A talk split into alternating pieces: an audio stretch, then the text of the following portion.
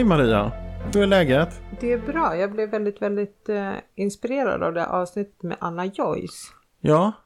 Eh, när hon eh, sprider just det här med den här glädjen och alla de här hormonkickarna. Och då har jag under veckan försökt lista ut hur skulle jag kunna vara en sån här hormonkick på min arbetsplats. Mhm. Utan att sjunga och dansa.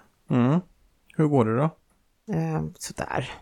Är det inte så här semestertid nu? Det är väl ingen där ens? Nej, så det är inte så mätbart. Nej, precis. Nej, För det är precis. kanske då jag bra. lyckas. Va? Det är kanske då jag lyckas. Ja, när folk precis. inte är på kontoret. Utan det kan vara den där energikicken. Eller hur? Det kommer en naturligt glädje. Mm, jag blir bara glad att se mig själv. Exakt, exakt. Hur mår du själv då? Jo, men jag mår bra. Jag mår bra. Eh, jag tycker det är väldigt roligt idag. Är vi ju eh, ute på landet. Eh, verkligen. Och spelar in. Så att eh, det är väldigt härligt att komma ut lite i naturen och... Mm. Fast jag borde ju vara lite bitter på dig. Eftersom jag Aha. får inte dig till Tyresö för att du tycker att det är så långt borta. Ja men Tyresö känns längre bort. Nej då, nej så är det inte, men herregud. eh, vi åkte ju tillsammans hit så det var ju lättsamt. Jaha, utan det är det här hur bekvämt det är att ta sig någonstans. Mycket det, handlar om transport. Mycket Mycket- handlar ja. om transport. Så det Ja, har inte så det. mycket med avståndet, utan det är transportmedel. Ja precis. Mm. Ja, men då förstår jag. Då kommer jag hämta dig någon dag.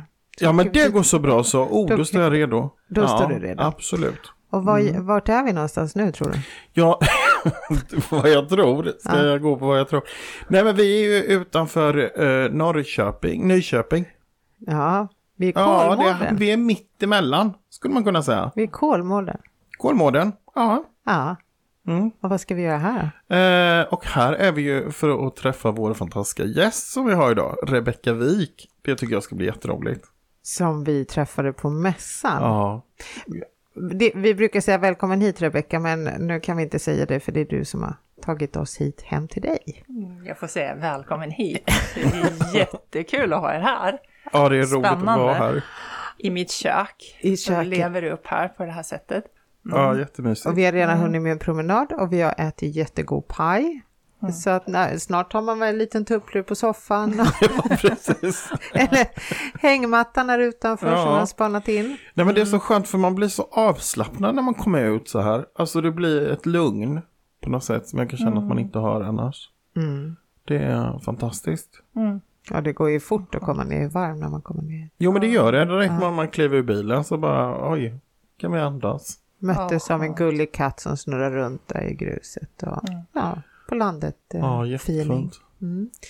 Rebecka, vi träffade ju dig på mässan på Harmoni Expo då vi var eh, mässgrannar. Och ja, Och eh, det var lite speciellt att ha er som mässgrannar ska jag säga. ja, Ja, det var lite olika energier kan man säga vid de olika montrarna. mm. Du hade ju väldigt lugn och skön energi medan det var lite mer gapigt och skrikigt hos oss. Jag. ja. Är det så jag minns det? Var det inte det? Det är så jag Var det minns så? det. var, I början satt jag och tittade och tänkte, hur gör man?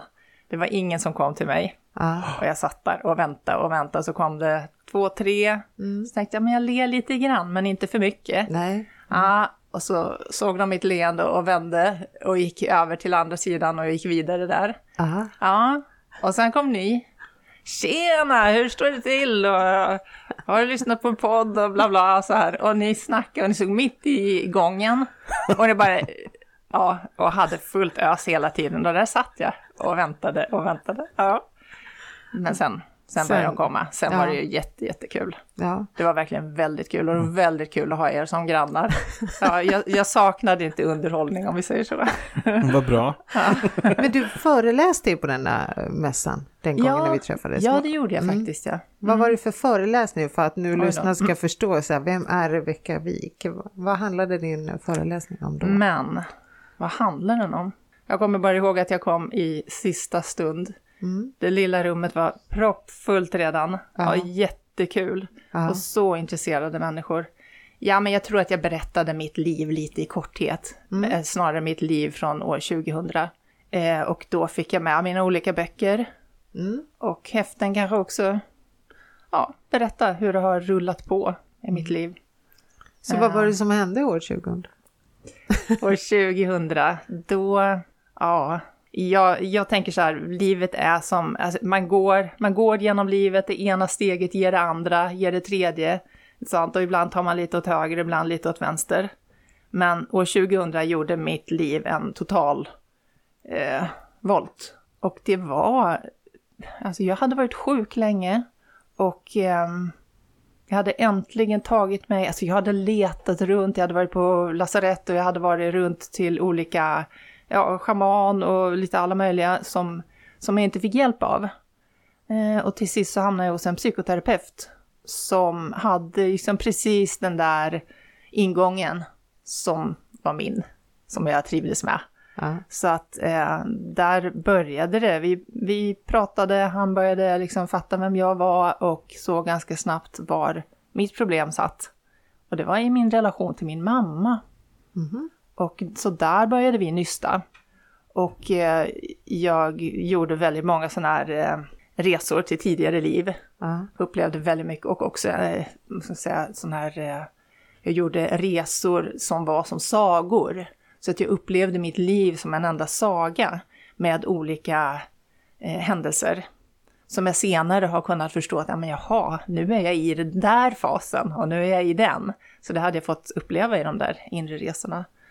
Och eh, ja, då vid ett tillfälle så berättade jag om min första, man kan säga min första eh, inre upplevelse. Jag stod med armarna runt en björk och jag var inspirerad av schamanböcker.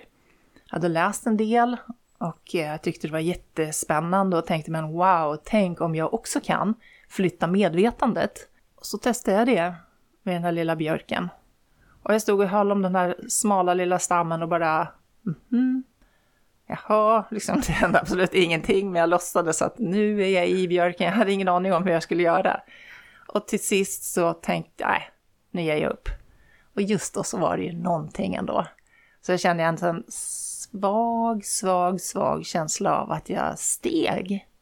En, en väldigt subtil känsla av en stigning. Och då var jag ändå i trädet. Så jag steg liksom sakta, sakta i trädet, som om jag var saven, eller livskraften kanske snarare. Sakta, sakta i trädet och sen kom jag ut i lite större grenar då det gick lite fortare. Så jag liksom spred ut mig i de här olika grenarna.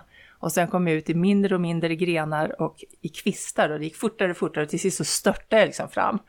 Och så plötsligt bara tjoff så stannade allting och jag var alla löven. Så det var en jättehärlig upplevelse. Och jag, då upplevde jag faktiskt små väsen som gick på löven också. Eh, och det här var i slutet av oktober tror jag, så det fanns inga löv. Men eh, ja, det var min upplevelse i varje fall. Vilken grej, det måste ju varit som en chock nästan ändå. Ja, det var ju liksom helt otroligt. Och det konstiga var att någonstans försvann den där... Alltså jag levde mitt liv och det var liksom en upplevelse som separat från resten liksom. Ehm, och sen kom jag till den här eh, psykoterapeuten då och när jag berättade det här för honom då berättade han en trädupplevelse som han hade haft. Och det var det här, liksom, just då hängde mitt liv på en skör tråd och det var han som var räddningen liksom. Eh, så jag rotade riktigt djupt i mitt liv de där månaderna som jag var hos honom. Ja, så berättade han att han hade suttit vid ett träd och så hade det kommit en liten eh, varelse, ett litet naturväsen, så hade han snackat med det. Och fått reda på hur de lever och hur de, deras familjer ser ut och sådär. Men Och jag var- gud, vilken grej. Ja, jag var helt, eh, vad ska man säga, jag var helt uh, jättefascinerad och jättetagen av det. För att jag trodde verkligen på honom. Vem som helst annars då hade kunnat berätta det och jag hade tänkt, Woho, det är inte riktigt normalt liksom. Nej, så då gick jag ut i skogen och jag letade. Och jag tänkte, ja, var skulle man kunna hitta ett naturväsen? Liksom, var finns de? Så jag letade och letade och tänkte att det här var i februari nu, 2 februari år 2000. Var kan de finnas? Jag tänkte att men det måste vara riktigt grönt och frodigt. Eh, Så jag letade efter något grönt och frodigt och det var inte speciellt grönt och frodigt. Det var grått och det var molnig dag också. Men till sist så kom jag till ett ställe där, ni vet, granar kan stå så här tätt ihop och sen kan de liksom växa ner på marken så att det blir som en enda, det blir en matta av grönt också, så allting var bara grönt. Så jag tänkte okej, här, här är mitt ställe. Och då satte jag mig där och eh, ja, jag tänkte mig att om jag ska se ett naturväsen så måste jag komma ut ur mig själv. Um, och det är jag så glad för, för allt sitter i huvudet som vi pratade om förut också. Så man inbillar sig en del. Uh, men jag är glad att jag tänkte så, för det har gjort mig väldigt fri sedan. För jag tänkte att jag måste ur mig själv. Så okej, okay, jag tog liksom hiss från huvudet där man i regel är, medvetande det. Och så drog jag ner i hjärt, eller i bröstkorgen. Så tänkte jag att här är en stor port, nu ska jag försöka trycka upp den här porten. Ja, fick jag upp den. Och sen alltså, låtsades jag att jag gick ner för en trappa. Mm. Och då tänkte jag, men okej, nu går jag ner tio steg. Det var ett sånt som jag hade lärt mig hos den här psykoterapeuten. Gå ner tio steg liksom, och sen ska det hända. Ja, så gick jag ett, två, tre, så gick jag så här. Världens förväntan förstås, och spänning liksom. Och, och nio, tio, nu är jag ute liksom. Och jag tittade så här systematiskt och från höger så skannade jag liksom av allting och jag såg absolut ingenting. Så jag visste ju inte ens om jag tittade liksom. Utan jag bara låtsades, ah, okej, okay, ingenting, ingenting. Ja, så tittade jag hela, hela varvet runt så att säga. Såg ingenting. Och det var samma där, jag tänkte, hä, inte jag liksom, jag kan inte. Men så tänkte jag, men tänk om jag ska in, ner under de här grangrenarna. Och det var också en sån här bra grej, för det bara slog mig just då att, ja men, jag kan, jag kan krypa in under där så kanske det finns någon där under. Och då försökte jag göra den manövern och det betyder att jag liksom, det här går inte att förklara, men jag drog liksom framåt ur mig själv och gick ett U så att säga och gick liksom bakåt in under granen om ni förstår. Mm, ja, just det, i tanken liksom. Ja. Eller, ja. Och det är så pass komplicerat, så pass svårt för hjärnan att hänga med på. Så jag tror att det var det som gjorde att det lossnade. För jag kom in under, eller låtsades fortfarande att jag kom in under grangrenarna. Och så bara står han där. En liten, otroligt söt eh, varelse, en hand hög med en liten grön luva. och ett stort leende. Mm. Och nötbruna ögon. Så otroligt gullig. Och den bara tittade på mig och jag, ja, jag var liksom förlorad från början. Det var världens hjärtöppnare. Sen visade han mig vad han kunde, liksom. han klättrade upp i granen och han, han eh, tog sig ner, han åkte rutschkana liksom på utsidan från gren till gren. Och, äh, så himla härligt. Så jag, men egentligen så är det så här, jag har lekt med naturväsen när jag var liten. Mm. Så någonstans så har jag det med mig från tidigare liv. Men i det här livet så var det ändå som en, eh, vad ska man säga, det var många års mellanrum där där jag inte hade någon kontakt och eh, någon dröm eller någon, någon sån upplevelse hade jag, men inte mycket. Eh, så det här var helt omvälvande. Um, och det gjorde att jag, jag började väsenskåda, det var min grej. Eh, och då var jag sjukskriven så jag hade ändå, jag kom inte långt ut i sko skogen. Uh, jag kom inte långt ut i skogen, jag var sjukskriven och eh, ja, jag tog mig inte så långt. Men jag hade ändå ganska mycket tid.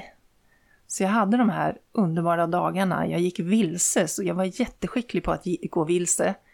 Och komma fel och bara känna, wow, var är, var är jag? Och hjärtat fick liksom, Eh, hjärtat fick visa mig vägen. Och så kom jag till de mest sanslöst fina små platserna. Och eh, ja, och jag träffade väsen. Det var helt otroligt. Det fanns väsen i stenarna, i berget, fanns i träden, trädväktare. Jag kom till en bäck och tänkte mig, gud, kan det finnas någonting här också? Och då var det lilla Billerill som var i bäcken. Ja, så underbart härligt. Och plaskade där och simmade och gjorde volter. Vem var det så, då? Vem var Billerill? Det var ett litet vattenväsen fick jag, alltså fattar ju sen så småningom. Från början, från början bara var de liksom, jag hade inga begrepp om det och hörde jag deras namn så så, ja, så var det så. Men jag visste liksom ingenting, jag förstod ingenting och jag såg inte att det var fyra element till exempel. Det, de är ju helt klart fyra element, men det tyckte jag, nej, nej, nej, det tror jag inte på. Men de var överallt i alla fall. Så, ja, så jag njöt. Fick du reda på vad deras uppdrag var? eller har de ett uppdrag? Ja, det har de ju verkligen. jag ser dem som, det, det, som jag har förstått då, det är ju att de är, de är konstnärerna. Säg att det är en, mm, att, att jorden blir till och att de liksom är de som gör den här sista finishen. De är trädet, även fast trädet, ja det växer där, men det har alltid en själ. Och det är den lilla väktaren. Som varje hus också. Du börjar bygga ett hus och det är ett alldeles speciellt hus, det är speciellt material, det kanske är bok i bänkskivorna eller vad vet jag, det är, det är gran eller tall och, och så vidare. Det kommer från olika ställen, det är helt unikt. Och det liksom frammanar ett väsen. Och det är då, det är liksom husets själ. Så det finns ett visst gemyt eller en viss karaktär i huset och det är alltid så. Um, och i varje plats, i, eh, alltså överallt finns de. Och det spelar ingen roll vad människor hittar på, till exempel datorer som vi bygger eller vi gör kärnkraftverk eller alltså ni vet alla olika industrier och så. De här väsarna de följer med in i allt för det är ändå material som kommer ifrån naturen. Alltså det, det är olja som kommer från Saudiarabien som har gett alla de här plasterna. Och metaller kommer från berget, ja men där är det väsen som jobbar med metallerna, som liksom är de som har, ja, som har gjort dem så att säga, eller som är i dem. Mm. Så ett hus är ett, ett hopplock av olika karaktärer kan man säga, eh, som då framträder som en varelse. Det bara slog mig just nu att när man pratar naturväsen då tänker jag alltid på de nordiska länderna. Och då tänker jag ju framförallt då på Sverige, Finland och Norge. Mm. För jag tänker de övriga eh, världsdelarna, pratar man naturväsen där? Ja, ja men absolut. Alltså Nordamerikas indianer, ja eller Sydamerikas, eh, där är det ju, de kallas pacos, de, eh, eh vad heter det, prästerna, Quechua-prästerna där i Anderna. Ja men de, de talar ju med Apus, de här stora bergsandarna eller vattnens andar och sådär. Ja, men det är, nog, det är precis samma sak. Jag har tyvärr inte varit runt så mycket mm. sen jag blev klarseende. Så att, men det är jag har varit i 22 år nu. Mm. Mm. Men det skulle vara väldigt spännande att, att åka runt lite mer. På Hawaii var jag och träffade vulkangudinnan där. Och ja, lite, lite resor. Hawaii, det har vi väl nämnt förut tror jag. Har vi inte det? Uh, det är väl en plats där det är mycket energi och mycket, ja, vad jag har förstått. Ja, ja och det häftiga, alltså ja det är en jätte, jätte, ska jag säga, maffig plats där genom att den är ju på väg att byggas upp fortfarande. Alltså själva Big Island, Hawaii, den är ju, den är fortfarande, det är aktiva vulkaner, speciellt Aha. i söder. Så de, den ena där, Kilauea, den bara, det bara rinner lava hela tiden. Så det, det är i, under uppbyggnad liksom. Och där är ju vulkangudinnan då enormt eh, närvarande. Och det som jag tycker är så en, jättespännande och häftigt är ju att människorna där är så, har en sån ödmjukhet och en sån respekt för Pele det är ingen som vågar liksom sätta sig upp mot henne egentligen. Och det var en gång som jag träffade några som liksom, ja, ja, hehe, lite, lite så här generat eh, talade om henne. Men i övrigt så är det med största respekt, så hon är, hon är en självklarhet. Mm. Och då blir man ju så glad när man kommer från Sverige, där det inte riktigt är så. Är sant? Nej, det är lite uppförsbacke. ja. eh, apropå uppförsbacke, då tänkte jag på nedförsbacke och nedförsbacke, då tänkte jag på dammen som är här bakom. Mm. För här sa du också att det hade en varelse nere vid dammen som faktiskt växer av att bli sedd. Ja, ja. Och så, det är häftigt för att vi, vi växer av näring, alltså vi växer av mat, vi blir större när vi äter liksom. Men eh, de här varelserna blir ju större av uppmärksamhet. Så det är väldigt, eh, det är väldigt fördelaktigt. Man kan bli förvånad om man tror att går man ut i vild natur, liksom, då träffar man mycket fler väsen och större och mer välmående väsen. Men det är tvärtom. Som jag ser det så går du ut på Djurgården till exempel, i Stockholm, där folk går sina söndagspromenader och bara njuter av naturen och ser hägrarna uppe i trädet eller Alltså njuter av, eh, vad heter det, isbladskärret och allt det där. Det är så mycket energi. Och det är näring för dem. Så att det är, nu kommer jag inte ihåg hur det var vid isbladskärret, men det är liksom, ja men det är en drottning som bor där. Alltså det är någon som mår otroligt bra. Så att de, även om man kanske har mer föroreningar ibland i stan, så är det ändå på den här nivån, de varelserna, de själarna, de mår väldigt, väldigt bra. Så det, som det där trädet som stod mitt i, mitt i en väg till exempel. Ja men det är ju fantastiskt. Mm. Alla människor bara ser det och åh vad härligt, vad vackert det är. Coolt. Och egentligen är ju vi likadana. Jag menar om jag ser dig, eller jag ser dig, ja, och ger en komplimang till exempel, ja, men det är klart att vi växer av det också. Mm. Det är sant, vi, vi stärks ju av det. Men, mm, Men man kanske har fått bilden av att de är så skygga som inte alla kan se dem. Det var därför Mm. det kanske blir så motsägelsefullt att eh, alla kan inte se Ja, dem. just det. Och då tänker man varför gör ni inte mer synliga så ert egot kunde, blåsas upp ännu mer. Men då kanske de blir väldigt mänskliga istället. blir de Ja. lite mer som vi som ska synas hela tiden.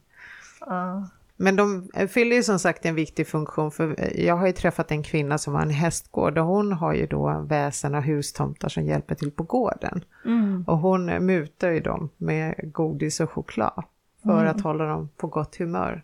Jaha, gör det? Ja, Vad de lagar staket bland annat. Men gud. Och sen har jag hört ännu fler berättelser om det här med eh, när de flätar håret på hästarna.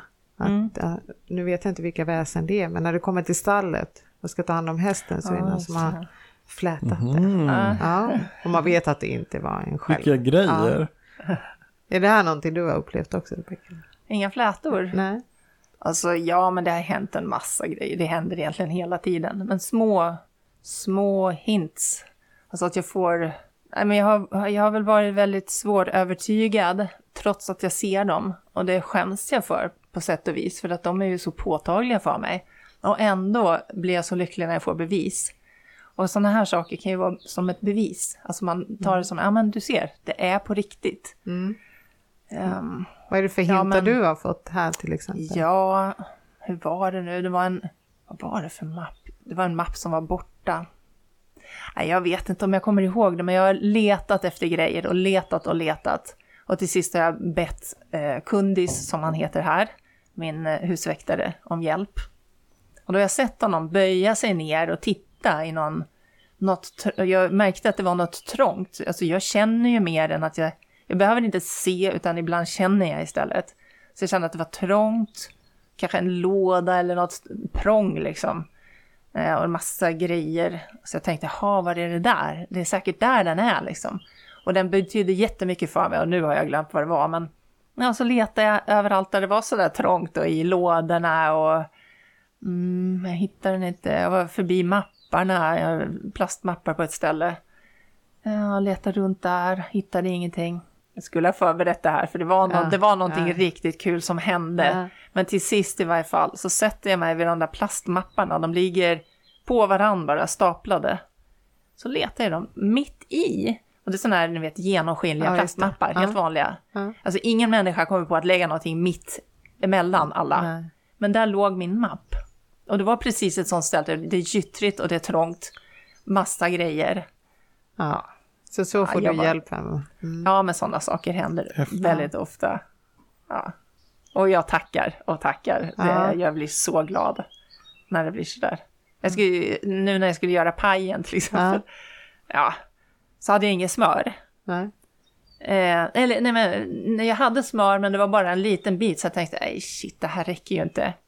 Eh, jag kan inte handla och okej, jag kan gå till grannen men helst vill jag ha det själv liksom. Ja. Så jag mätte upp, sl- slängde upp hela den där biten på vågen. Och då var det 210 gram, det var liksom på grammet exakt vad jag behövde. ja men sådana saker, Ja. och då bara tackar jag, jag tackar kundis då. Jag vet ju inte om det var han som gjorde det så att säga, Nej. men jag tycker bara det är så Ja. himla schysst. Tack, gud vad kul. Och så gick jag runt och tänkte på det. Ja, så himla bra. Och sen tittade jag på vågen och exakt då slog det över till 211. Ja. Så då tänkte jag, okej, nu hade han nog liksom, ge dig, du har tackat nog. ja.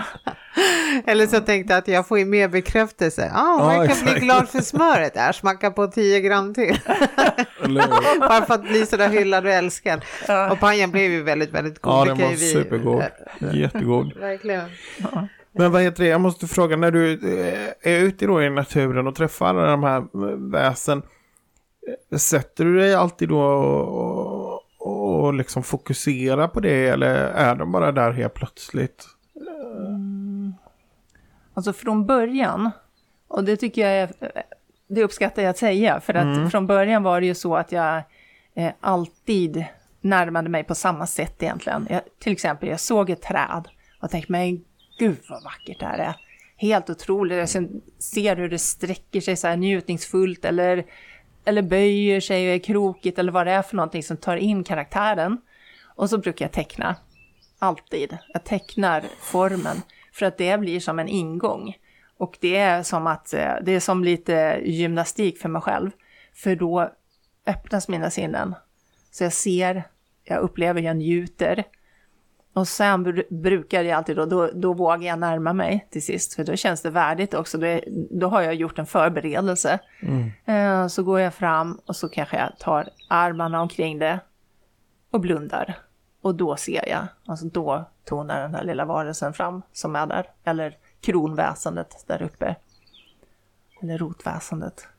Men nu för tiden kan det ju vara mer, alltså som ni märkte, vi gick en promenad. Jag, jag kunde inte berätta någonting om väsen längs den promenaden. För att jag är inte så på längre. Alltså jag går inte runt och tittar efter väsen precis överallt, vilket jag gjorde då i början. Mm.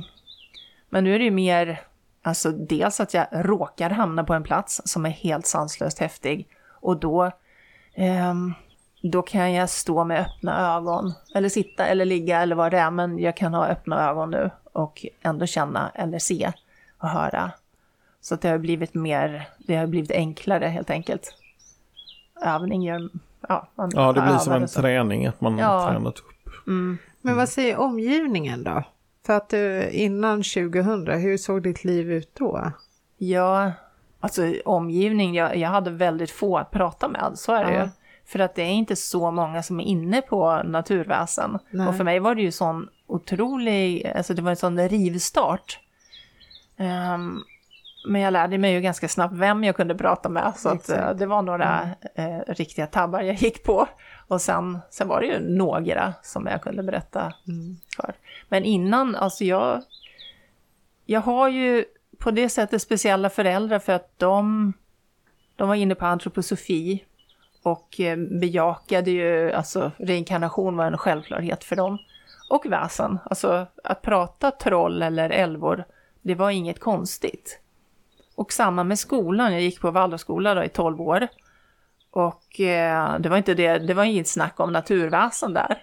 Men det var ändå ganska många lärare som var väldigt inne på antroposofi och på, har jag fått reda på efteråt, att det var någon som var klarseende till och med. Och så, så att det var ju som, någonstans är jag uppvuxen i en miljö där det var accepterat, det var inte konstigt. Var någonstans i Sverige är du uppvuxen? I Stockholm. I Stockholm. Mm. Så det är inte en, så här, eh, en liten by i Dalarna. Nej, det. där där det Ja. kanske är alltid generation efter generation, utan verkligen Ja, i. Stockholm. Ja. Fast det var ju framförallt i Bromma då, så att jag hade ju ändå mycket natur omkring mig. Mm. Och mina föräldrar fick vänja sig för att jag, jag var ingen stadsmänniska. Så jag gick ju barfota från det jag var liten och, och jag, alltså det var i skogen jag ville vara. Så jag byggde små hus för tomtarna och sådär, ja, lekte med naturväsen. Vad valde du för väg sen i vuxenlivet när man skulle välja yrke? Och, Ja, men där tänker jag, jag hade tre intressen, tre stora intressen under tonåren. Och det var dels ja, landskapet, naturen. Ehm, så jag gick tre år på biologisk geovetenskapliga linjen på universitetet i Stockholm. Eh, en riktig lyxutbildning där man får vara ute jättemycket och där det just var lite i större drag. Eh, inte så här att man satt och tittade i celler, eh, utan titta på landskapet, landskapsformer. Mm, och sen var det konst, att jag tycker om att uttrycka mig i bild och i text. Um, det var det andra. Och sen det tredje var ju ett andligt intresse som jag hade från början. Så ja, det kom med. Och jag har jobbat, jag har inte jobbat som biolog och geovetare egentligen. Jag har illustrerat eh, som det. Men i övrigt så har jag jobbat med bild. Och jag tror att det, det är någonting som utvecklar det här inre, eh, inre sinnena. Att jobba med bild, att jobba med form och färg. Och just att eh, kunna låta det strömma ur sig själv. Så, så konstnärer har ju en, ett försprång där. Och sen är det den andliga biten som har varit med bara som ett intresse. Så, mm. läsa böcker och... Mm, men det allra viktigaste som jag ser det, det är ju det är arbetet med sig själv. Det kan låta tråkigt, men det, är som, det har ju varit med som en självklar ingrediens, och speciellt från det att jag blev klarseende. Jag känner bara, nej men ja, men det, kom, det kom som en drift liksom. Vad gör jag med mig själv? Så här kan jag inte ha det. Eller jag började meditera, höll på i några år och sen kom jag fram till att eh, jag blev så himla medveten om tankarna. Jag hörde mina egna tankar så att säga och observerade dem. Um, och blev så jäkla less på dem. För det var en sån dynga som gick runt i huvudet tyckte jag. Det här, jag står inte ut. Liksom så, så mycket dumheter och så negativt. Negativa och tankar om andra människor och katastroftankar och sånt där. Um, ja, nu, jag kom långt ifrån din fråga, men jag hoppas Nej, att det var... Nej, jag tycker det, för jag, för jag tänker just att det är det här som jag tycker är så fascinerande, att, att människan kan ju tänka sig sjuk. Mm. Med katastroftankar och mm. bara se det negativa. Man kan ju mm. göra sig själv sjuk. Jag påstår ja. att jag här och nu skulle kunna tänka mig själv magsjuk. Jag ska kunna tuta i mig själv att jag är mm. magsjuk. Mm. Så därför tänker jag om man, om man ändå kommer till den insikten att man har de här katastroftankarna, att man faktiskt vänder den där skutan. Ja, och det har varit ett, det är ett jättejobb och jag är inte klar än. Mm. Det är jag inte, men jag, jag känner i varje fall, jag vet att jag har, det har hänt saker. Alltså det är mm. på mycket bättre nivå. Och, och det som är det är ju att jag är med, mycket mer medveten i nuet. Så jag vet okej, okay, just nu gör jag så här, skärp dig. Så, mm. Eller nu för tiden, jag, ja, jag har någon riktigt usel tanke i huvudet. Då kan jag backa, då kan jag gå åt motsatt håll och så liksom suger jag i mig hela den där idiottanken och sen, sen får jag vända först och gå, gå mm. till rätt håll igen. Ja, jag, har, jag har haft knep hela, längs hela vägen, liksom alla 22 åren och jag fortsätter. Mm. Så att uh, men det Men är det... väl någonting, alltså det är väl det som är utvecklingen i livet också. Man blir aldrig färdig. Det är en ständig Nå. process. Ja, ja annars skulle vi väl inte vara kvar här antar Nej, jag. jag menar då är det ju... Mm. Ja, det där med tankar har jag ju hållit på med mycket. Så att, eh, och det intresserar mig väldigt också att ehm, jag har jobbat på att inte ha några tankar. Mm. Och det kom ju av att jag var så less på dem. Mm. Mm, och då, då läste jag en bok att ja, jag läste om tankar och att man kan vara utan tankar och då bestämde jag mig nu ska jag vara nio dagar i fjällen och då ska jag vara utan tankar. Ja, så det var varit ett sånt där stort projekt. I nio var, dagar, det låter länge. ja, det är jätte, jättelång tid. Och jag packade och köpte utrustning och åkte iväg helt fel tid på året och ensam. Um, I början på sommaren, det är liksom inte bra att åka till fjällen då. Det är väldigt mycket vatten överallt. Och broarna var inte ens utlagda. Jag hade ingen mm. koll på att, mhm. att broar kan läggas ut. Liksom. Där jag bodde så fanns de jämt. Ja. Men då var jag faktiskt utan tankar och det var ett jättejobb. Det var ju som hela tiden hålla sig själv i kragen och bara nej, nej. Så kryper det på liksom. Men jag, ja, och det hade jag övat innan också. Men jag var faktiskt utan tankar och det var dag sex som det föll. För då kom jag till en, den mest ljuvliga källan man kan tänka sig. Och då bara pålade det poetisk liksom, inspiration och jag såg den här lilla källnymfen och jag njöt. Och sen kom jag på, whoops, där gjorde jag bort mig liksom. Det var ju synd efter så många dagar. Spräckte nollan. Ja, Men, och det tog flera timmar tills jag kom tillbaka till frid. Och det, det är frid, liksom. det är så himla skönt att vara, ja, för mig är det frihet. Att kunna vara bara närvarande, så skönt. Det här blir ju för mig lite motsägelsefullt än. För så många människor som gärna skulle åka på en nio dagars resa för att höra sina tankar. För Ah. att det är så mycket saker runt omkring en. Man är så stressad, är Ja, jobbet just och ungar och hundar. Och, och sen så är ju många så ah, jag måste komma bort ett tag för att höra mina tankar. Och så åker du bort nio dagar för att inte höra någonting. Så ja. man måste nog träna innan man sticker iväg. Ja, ja. Ja, Ja, det måste man det. nog. Men jag tänker att det är i tystnad, alltså i tystnaden finns något riktigt häftigt. Alltså, för det är när man, det är då man kanske börjar höra sina vettiga tankar. När man kan bli, när, när det kan få vara tystnad inombords.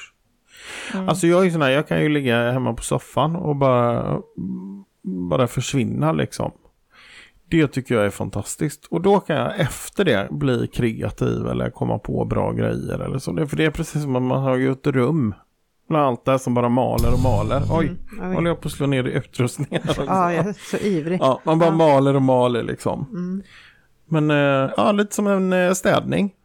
Hur ser det ut utifrån om jag skulle rycka upp dörren och komma hem till dig? Ligger du där liksom med fjärrkontrollen i handen och bara slappar på soffan? Nej, ingen fjärrkontroll. Nej. utan då ligger jag nog bara på soffan och så har jag legat där och tänkt och funderat och sen så eh, försöker jag tänka att jag rensar mitt huvud.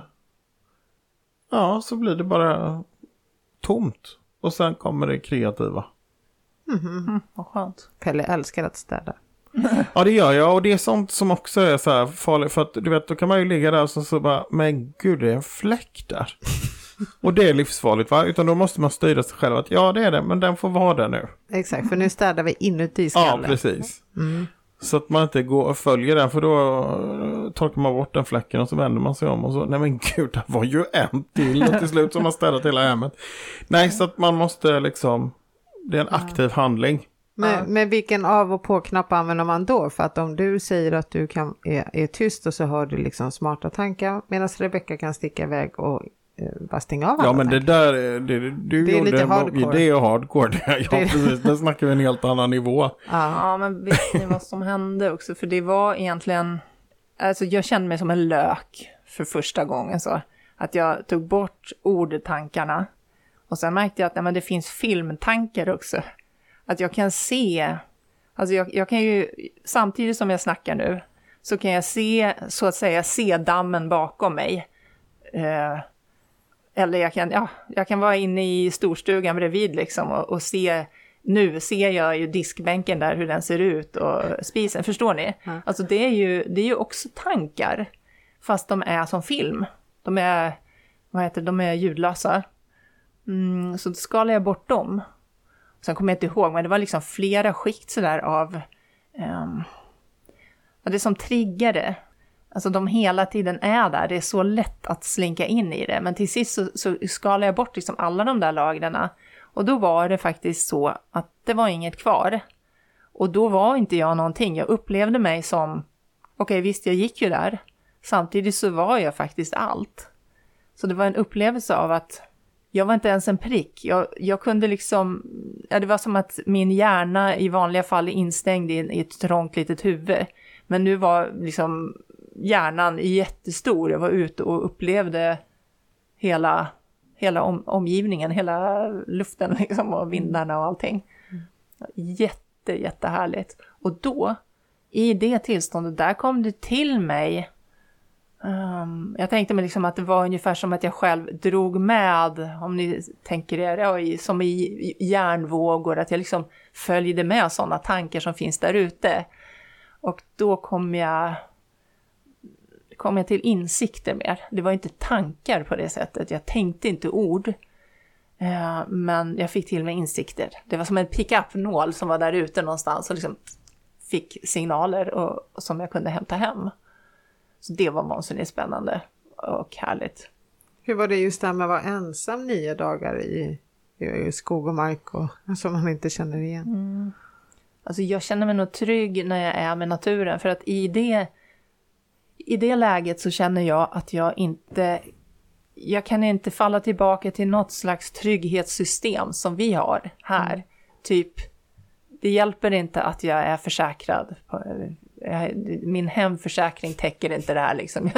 Inga sociala trygghetssystem täcker det, utan det är bara jag och så är det berget och så är det gudarna. Punkt. Och då känner jag mig så här helt trygg. För att våra, de här systemen är lite grann som att man kan inbilla sig att man är trygg. Lite man falsk är, trygghet, Ja, eller? man kan faktiskt snubbla och, och slå skallen i en sten och dö nästa sekund, det vet vi ju inte. Och där känns det som att ja, men, allting är rätt. Alltså om jag nu trillar faktiskt och dör, ja men jaha, då är det så. Här känns det mer som att, åh nej, jag får inte trilla och nej, alltså så här, man, man kan bli nervös för saker, eller jag kan det med bilar, det kan bli olyckor och så vidare. Ja men där, där kan ju massor hända. Jag är helt ensam. Jag kan, jag kan absolut trilla och, och slå mig illa. Men jag vet att det är rätt, i sådana fall är det rätt liksom. Och då, då tar jag det med glädje. Men du är då ändå omhändertagen på något sätt? Jag är helt Ja. omhändertagen, ja. Och det känner jag som den största tryggheten. Mm. Så det, det är något jag ska ge vidare. Jag, jag har faktiskt haft en grupp som har varit där uppe, men då var jag sjuk så jag kunde inte gå med en, eh, på en vandring i Sarek. Men nu har jag en utbildning som jag startade i, i våras. Mm. Och eh, hela den utbildningen, då, Seidskolan, den kommer avslutas med en vandring i Sarek. Så det blir, ja det ska bli så himla kul så det inte är sant. Och då ska vi ju försöka vara utan tankar. Så att vi jobbar ju på det redan nu och gör, alltså vi går utan tankar, har vi gjort en gång, men i alla fall, det kommer vi göra mycket under de här tre åren som vi håller på, tre sommarhalvåren. Öva, tankero, tystnad. Så vad gör man första året då? Vad är är grunden? Grunden, ja men jag har, gjort, jag har gjort utbildningen för tre år, tre sommarhalvår, på grund av att första året då blir ett år där vi befattar oss med själen, eller själs. Så själen i oss själva, men också själen runt om. Till exempel det som vi har pratat om, naturväsen, naturandar, eh, djur, och sedan våra egna chakror, men även landskapets chakror, alltså sådana här kraftplatser som den som vi var på, som är precis bredvid här, en stencirkel. Ja, den var ju magisk på riktigt. Visst var det häftigt? Det var det. Vad kul! Ja. Ja. För det där är ingenting man ser när man är ute och går i skog och mark. Den där, vi har tagit bilder så vi lägger ut bilder för att visa hur platsen såg Ja. ut. Ja, vad kul. Mm. Mm. Så det gör Ja, man så det, det är själens år liksom. Det är Odens år, tänker jag, för Oden är mästaren i själs, själsvärlden. Och sen nästa år, det är livets värld. Um, så det är Vidars år. Och då handlar det om växter och det handlar om eh, änglar. Det handlar om vår egen förmåga att liksom, flytta oss till den andra sidan. Det som vi gör när vi dör. Vi drar liksom över vattnet, säger man i många kulturer. Man åker med båten över till andra sidan. Då är man i dödens rike. Sant? Och så tar man samma färd på vägen tillbaka. De där kanalerna eller de där eh, passagerna har vi i oss själva, så det är där Odens ögon är. Här uppe, tredje ögat, och sen nere i sakralchakrat. Där är liksom den passagen, så det året kommer vi jobba med de två eh, chakrorna och, och vägen över till andra sidan och kommer liksom snoka runt där lite grann och eh, gå in för änglar då bland annat. Mm. Och sen det tredje året, det är då ehm, Alltså det kallas det fysiska, men eh, det är egentligen det, det att vara ett med allt. Så det, det är tillstånd som jag berättade om nyss Mm. i fjällen. Och du kan, du kan uppleva det när du går in i ett berg. Mm, att berget eller jord, hela jorden, jag upplever jorden som mörk och som att du går in i ett eh, all, allvarande, att du är ett med allt. Ehm, så det blir koncentrerat på det. Och vi kommer samtidigt naturligtvis jobba vidare med själen, för det är, det är där vi har mycket att styra upp. De andra världarna har vi egentligen, de nosar vi mer på. Men vi står väldigt eh, förankrade i själens värld just nu. Ehm, det är vad de nordiska gudarna, alltså nu om jag får prata om Efter Ragnarök, den boken. Mm. Det är vad de liksom siktar på. Det är att vi just ska gå igenom själens värld och komma vidare. För någonstans vad jag förstår, jag, jag har inte mycket belägg för det, men vad jag förstår så har vi ju sabbat upp den här planeten några gånger. Så att, eh, vår civilisation har liksom bara vuxit till sig och till sist har det blivit en kol- kollaps och så har vi ehm, förintat det som vi har kunnat förinta och sen har vi dragit härifrån och sen har det börjat igen. En, en ny omgång liksom. Men nu vad jag förstår så skulle vi kunna klara den här gången.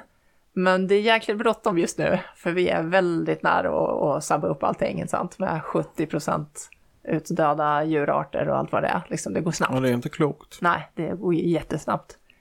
Men någonstans, ja men, ja, det är det som de nordiska gudarna liksom verkligen uppmanade oss till. Det är, jobba er igenom det här nu. Liksom, styr upp er, det handlar om att rena sig själv, om att, ja det där med löken är sant. Skala av lager på lager och kom vidare. Men det som de säger då, det är att nej, men ni måste ner i botten av er själva. Det går inte att vi skiter i vår egen bottensats. Vi behöver ner där, vi behöver ner i det värsta existentiella mörkret. Och det är det som är Ragnarök. Det är därför den här boken kallas, eller heter Efter Ragnarök, för den siktar på Efter Ragnarök. Det, var, det är inte efter egentligen, men det siktar på det. För att de alltså verkligen står längs vår väg och vädjar. Hallå, kom igen. Gå vidare och, och våga det här. För vi kommer inte framåt annars. Ja, Men du hade skrivit fler böcker. Vi har ju ett gäng här framför oss. ja. Kan, det var efter Ragnarök vi pratade om nyss. Mm. Den här boken som jag la framför dig nu. Ja, Pans rike. Mm. Egentligen, min första bok det är ju Mäster Grå. Så den, den beskriver ju min första tid i skogen. Och det har jag ändå berättat en del om nu. Ehm, Och det som jag tycker vi behöver tillägga det är att det finns ju bilder med här. Är det så här du har sett så som du skulle vilja beskriva det du har sett i skogen? ja, ja, det är så bra. Alltså jag har lagt ner jättemycket möda på att få bilderna så exakta Ja. som det går. Och samtidigt, man kan tycka att det är lite löjligt på sätt och vis. För att de ser faktiskt inte ut egentligen. Det är ju inte fysiska varelser. De har inte egentligen små bruna ögon och ett jättebrett leende det. och det där. Nej, men det är mitt sätt att se det. Så att någonstans är det, här är den här lilla ommen, här är jag. Och eh, den energin uttrycker sig på det här sättet för mig. Skulle Pelle se den, ah, då kanske den inte hade någon grön mössa, den kanske till och med hade orangea kläder. Eh, vad vet jag. Eller, och, och, och du skulle se den Maria och skulle se det som en virvel kanske. Eller ett litet ljus eller något sånt. Eh, men om man då är uppmärksam, om man tittar på en av de där bilderna i Mäster Grå till exempel. eh, Då är de ändå en port, för det är någonstans är sanningen med. Alltså varelsens essens är med. Men det är jag som såg den. Du skulle måla annorlunda, men Ja, förstår det. du, det kan ändå öppna dig. Så tar man det lite meditativt, lugnt och eh, ja, öppnar sig och går in för bilderna så kan, ska, kan det faktiskt vara en port. Mm. Ja, så det är mest det grå, det var min första tid, de första nio månaderna. Och det omtumlande då, att en Mäster Grå plötsligt stod där, stod där och det var väldigt skrämmande det första mötet. Skrämmande och roligt och spännande och omvälvande. Mm.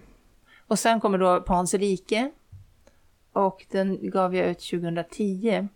Och det är mer en faktabok om samtliga, alla väsen som jag har sett, naturväsen. Så det är de fyra elementen eh, utförligt och, och, och så har jag beskrivit, beskrivit dem och försökt förklara vad de gör, och liksom varför, vad och hur de ser ut och hur de samverkar.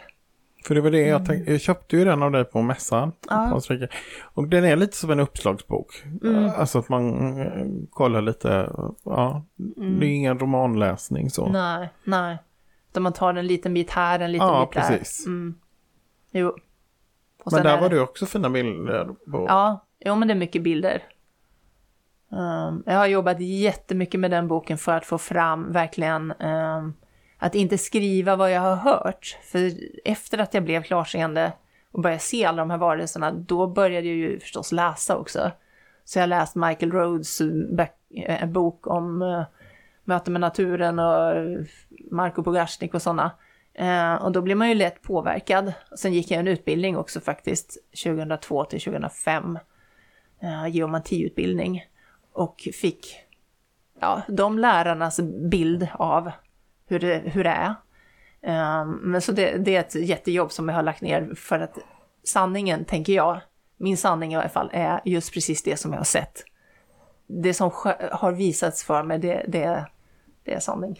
Ja. Tänk dig Pelle, Så- drömmen att kunna gå i skogen och se de här väsen på samma sätt. Som att ha en svampbok med sig i skogen. Du vet att man bara ser dem så tydligt så att man bara kan bläddra och säga att Ja, Ja, just det. ja, att det är den Det här. där är nog den där, ja. Ja, Ja, du tänker så. ja men förstår du, man ska kunna Ja, se som det man är så ute och tydligt. fågelskådar typ. Ja, Ja. Alltså faktiskt så har det precis hänt mig och det är enormt glädjande. För några dagar fick jag ett mejl av en av dem som går Sejskolan. Hon sa att ja, men hennes eh, kille han, han såg en liten varelse som skuttade. En, och den var alldeles ljus. Och så hade den gömt sig bakom någonting, lekt titt ut liksom, rolig och flink och så. Eh, och sen hade de slagit i min, eh, var det den här, ja det var nog Pans rike. Och kommit fram till, ja men det kanske var Lio Ling Pling. Nej, det, det kanske var i den här broschyren förresten. Eh, Nyköpings kommun-broschyren. Ja, men det står, ja, de blev, jag blev så vansinnigt glad för de hade faktiskt sett den varelsen. Men gud vad För mig- häftigt, vilken grej. Ja, ja, för mig var det sån här enormt, ja. enormt kul. För jag fick var- ju se den här broschyren. Och då tänkte Ja. jag att tänk att få en sån här broschyr när man går i så här Tyresta nationalpark. Vi ska lägga upp bilder på det här. Men Pelle, du har inte bläddrat i den där. Men det är som en guide. Så att när du går in i skogen så, så står det till exempel eh, skvattramossen. Uttalade det rätt? Mm. Ja. En riktigt liten mosse med vatten omkring och en ö i mitten. Lika runda goda som blåbär och odon är, är de ljusa eh, feflickorna som lever här. Så kan man se, finns det en karta också var man kan hitta de här. Men gud vad roligt, vilken grej. Så här skulle man kunna få. GPS-koordinater. Ja. Så det kommer. Så har du här så kan du titta vart du hittar de här Ah. olika väsen. Ah. Billerill, Billerillbäcken. Ja, Ja, det är det. Här står det vart du kan hitta den. Men det är ju jättecoolt. Ja, Gud vad roligt, det skulle man ju ha överallt. Så här skulle Ja. man få Ja. mig att knata runt i skogen. Ja, faktiskt. Utan- Det skulle vara motiverande. De ungarna som gör Pokémon, det här är ju fasiken mycket häftigare. ja. Jättehäftigt. Det var sådana här lådor på tre ställen runt den här skogen, Ekensbergs eh, området. Ehm, och där kunde man ta de här. Så det var buntar av de här broschyrerna. Ja. Så, jag- och jag vet ju inte hur många som gjorde det, men jag vet att skolorna, eh, att det riktade sig nog till en del till skolorna. Så att de har nog varit ute och gått och letat rätt på de här platserna. Man kan ju orientera efter det. Ja, ja visst. Jättehäftig grej. Ja, Ja, det var coolt. Det borde fler kommuner nappa på ju. Tycker jag. Tyresö borde stå i täten. Alltså kom igen, trivsamma Tyresö. Ja, Jag uppmanar dem att skapa sådana här fantastiska skattkartor som jag skulle vilja kalla det Ja. här för. ja det vore Ja. något. Ja, visst. Ja, Och då hade jag min försörjning på det torra liksom. Om jag, det var väl det enda året som jag kom över, ja, som jag fick någon slags rimlig inkomst. Det var ju när Ja. jag jobbade med kommunen. ja, Jättekul var det. jätterolig idé. Ja, det var verkligen. Tänk dig hur mycket pengar Pokémon har tjänat. Ja, Alltså inte själva Pokémon utan de som skapar Pokémon. ja just det. Ja, Ja, ja, det är helt sjukt. ja. Ja. Vilken grej. Ja. Ja, och min, min anledning till att jag gjorde det, det var ju att jag skulle flytta. Och jag visste att jag, jag är som jag är, jag kommer inte komma tillbaka, även om jag älskar den här skogen. Verkligen, jag, jag känner varenda liten glänta där. Det är lite överdrivet, men jag, jag var ändå runt så mycket och hade så häftiga, fina platser. Och så skulle jag flytta. Och jag vet, jag är inte trofast, liksom, jag kommer inte tillbaka, eller väldigt sällan.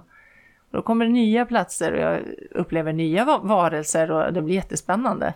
Men de här då, alla de här varelserna som jag nu har sett och som har fått uppskattningen och eh, ja, den näring som det innebär liksom. De blir plötsligt bara eh, ensamma. Ingen ser dem. Så att, det här nu då, att, att de faktiskt hittar just en varelse, det var li, lilla Lioling. Ja, det var jätte, jättekul. Det var precis vad jag hoppades då. Ja, Ja. Så det-. Jag fastnar lite i tankarna där med den här Tyresta skogen. Mm. För det brann ju så brutalt där för några år sedan. Mm. Det hade varit väldigt eh, intressant att eh, få höra från någon, eller ja, någon som är klarseende som det kallas för, hur skogen mår idag. Mm. Att är det de här väsen som har hjälpt till att bygga upp det? För att det måste ju ha försvunnit massa arter i samband med den här enorma branden. Så man skulle vilja veta hur skogen mår idag. Mm. Är det någon som kan berätta så är det väl dem. Eller hur? Alltså, brand var ju egentligen väldigt naturlig förut. Ja. Det är ju först nu som det, nu brinner det väldigt mycket. Men Ehm, man gör bränder, alltså kontrollerade bränder nu för att någonting ska brinna. Alltså eh, områden för att allting föryngras då. Och arter som inte kan växa i en vanlig skog, de växer då i början och kan föröka sig och eh, ja, lavar och svampar och sådär som inte klarar vanlig miljö. Mm, så det är ju en väldigt kre- någonstans väldigt kreativt, alltså som allt sånt där, det förstörande, det som dödar, det kan samtidigt vara någonting, det är början på något nytt. Så, men Det kan, kanske var arter som inte fick eh, grepp om eh, eh, livet innan det brann. De kanske har ploppat upp där. Ja, ja, så borde det ju vara. Ja. När var detta? När, tycker jag känner igen det. Det måste ha Det stått rätt så mycket länge. det. Ja, men det måste det luktar väl brandrök överallt. Och det, här måste ha varit 2000. ish. Mm. Och det är så pass länge Ja. sedan ändå. Ja. Mm.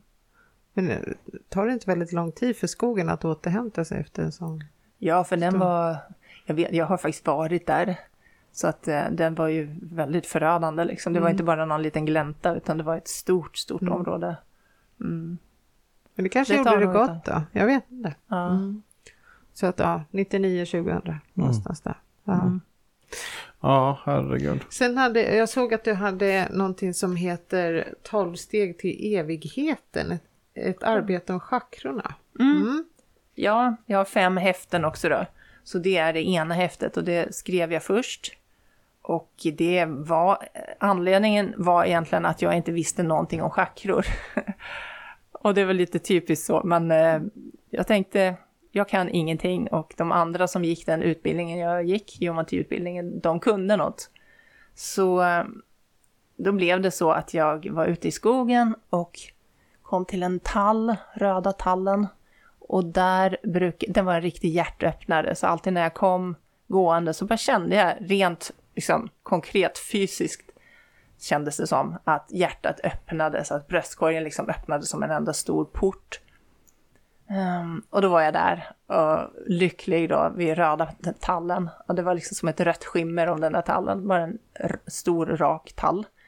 Och där brukade jag möta pan, så det var en riktig pan, ett Pan-fokus. Och Pan visade mig en, en, en dag att han liksom, han kunde halka ner och vara ner, istället för att vara i tallen, så var han nere i roten eller en våning längre ner. Och där vart han nästan lite läskig, liksom, det var lite mörkt och lite kymigt sådär, lite, mm, vad är det här för något? Är det där Pan fortfarande eller är det något annat liksom? Han såg lite elak ut nästan. Och sen visade han mig att han också kunde åka upp, han kunde liksom åka hiss upp i, eller klättra upp i trädet.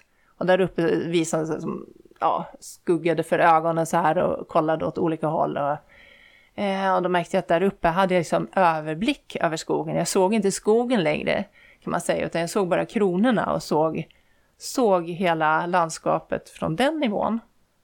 Och då började jag tänka, men gud, är det här, vad visar han mig egentligen? Det är mycket av kommunikationen som går så här, för mig, tyst, alltså ordlöst. De säger inte, hallå, det finns något som heter chakror, liksom, har du fattat det? Nej, det. Nej, utan de, de visar. Och då tänker jag till och säger, men, oj, det här kanske är chakrorna. Var det så att jag var en nivå längre ner? För jag visste redan att jag såg med hjärtat. Att naturväsen, det är liksom där du ser dem. Hela landskapet är på den här nivån. Även om jag ser djur, kommunicerar med djur till exempel, då är det via hjärtat. Men sen kunde jag då vara en nivå längre ner i sakralchakrat. Och sen en, en, en våning högre upp. I det här chakrat, i halschakrat. Mhm. Och då såg jag något helt annat. Det var som en helt annan värld fast det är den här. Fast det är bara en annan vinkel. Och då började jag utforska det hela. Och när jag märkte att, eh, kom jag ner till rotchakrat, var på ett visst sätt, sakralchakrat, solarplexus och så hjärtat. Sen, var det, sen märkte jag att det var som en upprepning, att hals och pann och eh, kronchakrat, att de var lite lika de tre nedre. Och då var jag fast. Då tänkte jag mig, gud vad är det här för någonting? Det är något som upprepas. Och då var jag liksom fast i de tolv chakrarna, för det fortsätter sen utåt. Och det var där, där lärde jag mig en hel del om, om treenigheten också, om, om liksom hela ursprunget för hela skapelsen. Eh, att vi alla har det där inbyggt i oss, att vi alla går runt med...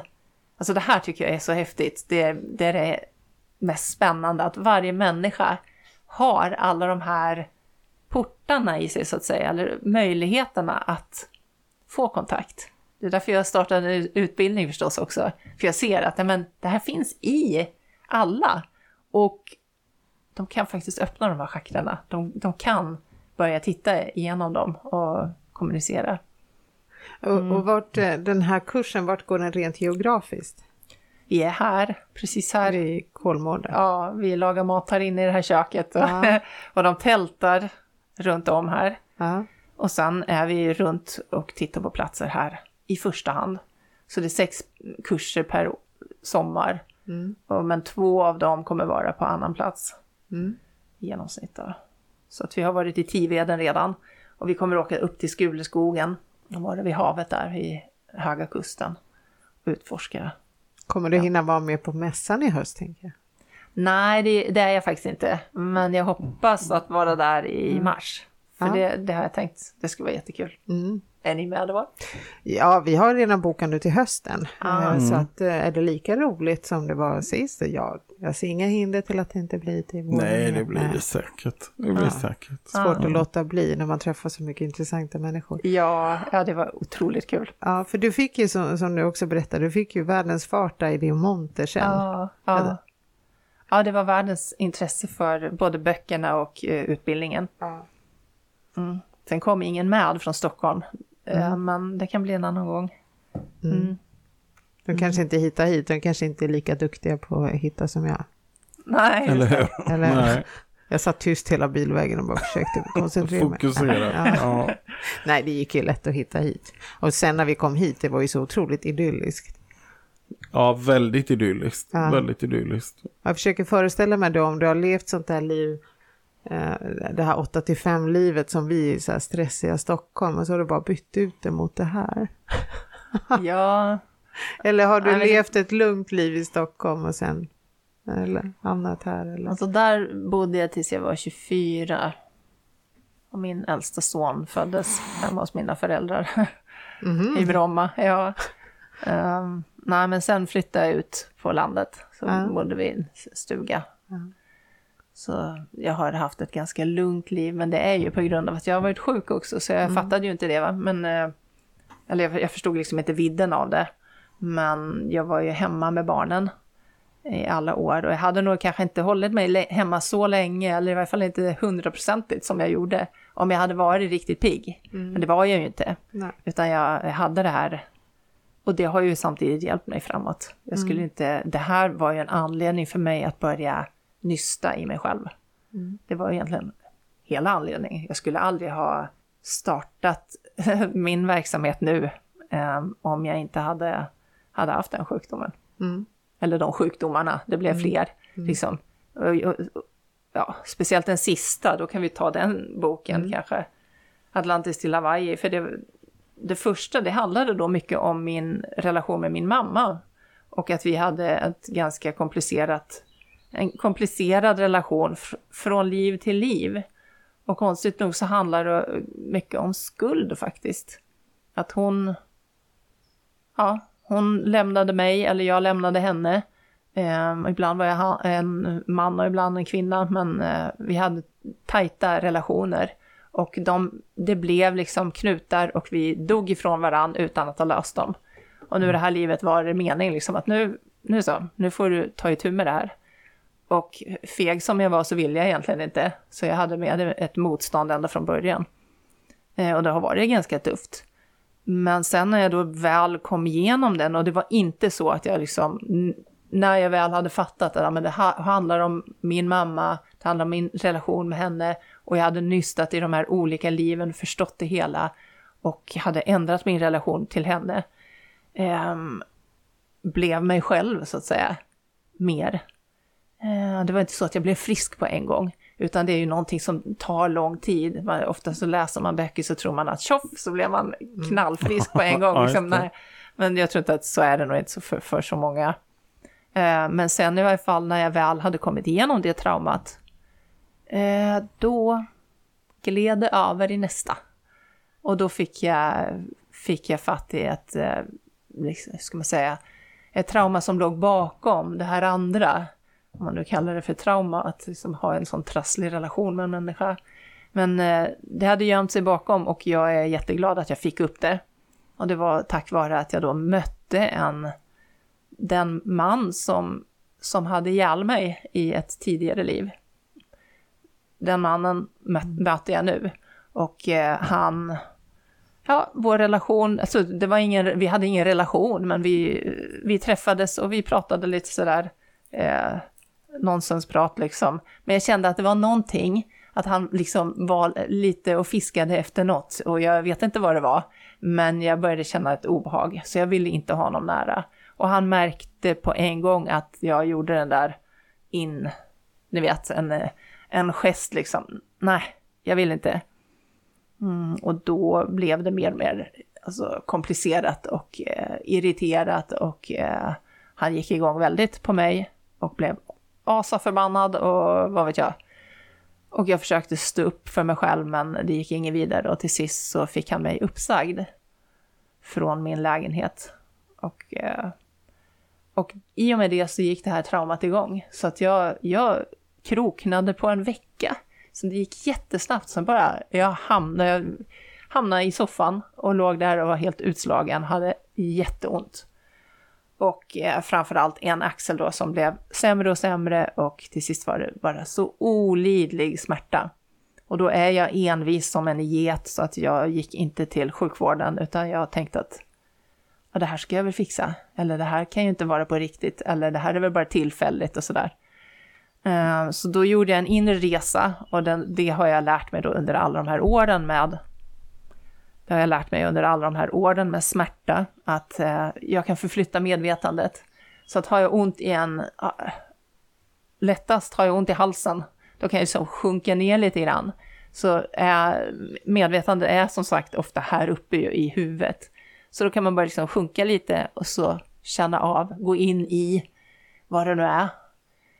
Um, och i det här fallet så gjorde det alltså jätte, jätteont i en liten prick i axeln. Och då kunde jag förflytta mitt medvetande och försöka kränga mig in i den pricken. Jag var tvungen att bli jätteliten. Och ehm, för grejen är att jag behöver gå in i smärta, alltså om det inte känns, då går det liksom inte. Jag behöver, ja det är lättare med smärta. Så då kunde jag gå in till sist i den här lilla pricken. Åla mig in, liksom kränga mig in, trycka mig in. Och till sist var jag faktiskt i smärtan och då är allt smärta så det är helt djävulskt liksom. Och tjoff, då var jag i det här tidigare livet. Så då ser jag det här stenbordet, jag tror att det var sten, och jag ser ett starkt ljus uppifrån. Och jag förstår att där har det hänt något riktigt jävligt, riktigt obehagligt. Um, och eh, jag gjorde väl tre eller fyra sådana inre resor där jag liksom om och om igen gick in i axeln och kom tillbaka till Atlantis och fick uppleva det livet och så, så småningom så fick jag liksom ihop hela livet och vad, vad det egentligen var som hände. Och att jag blev bortrövad från mina föräldrar och att det var en verksamhet som pågick. Och det var i slutet av den atlantiska tiden. Så att människor hade blivit väldigt avancerade, typ som vi är just nu. Och de, eh, kunde, de var väldigt kunniga om mycket, men de här männen jobbade framförallt med livet, med livet självt. Så att eh, det de gjorde då, det var att uppfostra flickor för sig och poj pojkar för sig. Och eh, till sist så när de då precis kom till puberteten, då togs, togs de bort från gruppen och sedan eh, gjorde man då en ritual och offrade dem just på det där bordet eh, under det här fantastiska ljuset. Och eh, man tog, man kontrollerade dödsprocessen, jag vet inte om ni vill höra det här Mm, egentligen. Jo, det är jättespännande. Ja. Ja, man kontrollerade dödsprocessen genom att döda de här arma barnen väldigt lång- långsamt. Så att eh, laboratoriemästaren, mm, som då var samma person som jag mötte i det här livet, eh, han, han kontrollerade det och räknade ut liksom i sitt inre hur, när, hur lång tid det skulle ta efter döden tills eh, den lilla släpper. Och den lilla det är liksom essensen av livet. Alltså vi har alla en livskropp. Eh, annars skulle vi ligga på golvet som en pöl. Eh, så livskroppen är det som håller oss vid liv och som ger oss energi. Energin som flyter i oss och det som man går, om man går till en, eh, vad heter det, akupressur eller akupunktur och alla de här. Det finns massor med metoder som just handlar om livet och livsflödena i kroppen. Och i det här fallet så handlar det om livskroppens essens. Så att när, när en människa dör, då är det som att det skummas ut en... Mm, det samlas ihop, som, eh, det blir som en liten boll. Och den lilla bollen den släpper i mellangärdet någonstans och drar ut i naturen. Och inlämnas i naturen. Och människan dör, människan går vidare, alltså själen går vidare. eh, Och tar sin vända. Mm, och sen när människan återigen ska inkarnera. Men då, då är det liksom motsvarande eh, skeende då. då. Då samlas den här lilla bollen återigen ihop för människan. Och eh, i moderlivet så blir den liksom början till det nya, så den ger, den ger människan en livskropp. Alltså den, och då har man minnet då från tidigare liv med sig i i sin egen livskropp. Men för de här barnen, det var just den lilla essensen, den lilla, den lilla som de ville åt. Och det misslyckades väldigt ofta, men eh, den här laboratoriemästaren var väldigt skicklig och fångade in den lilla.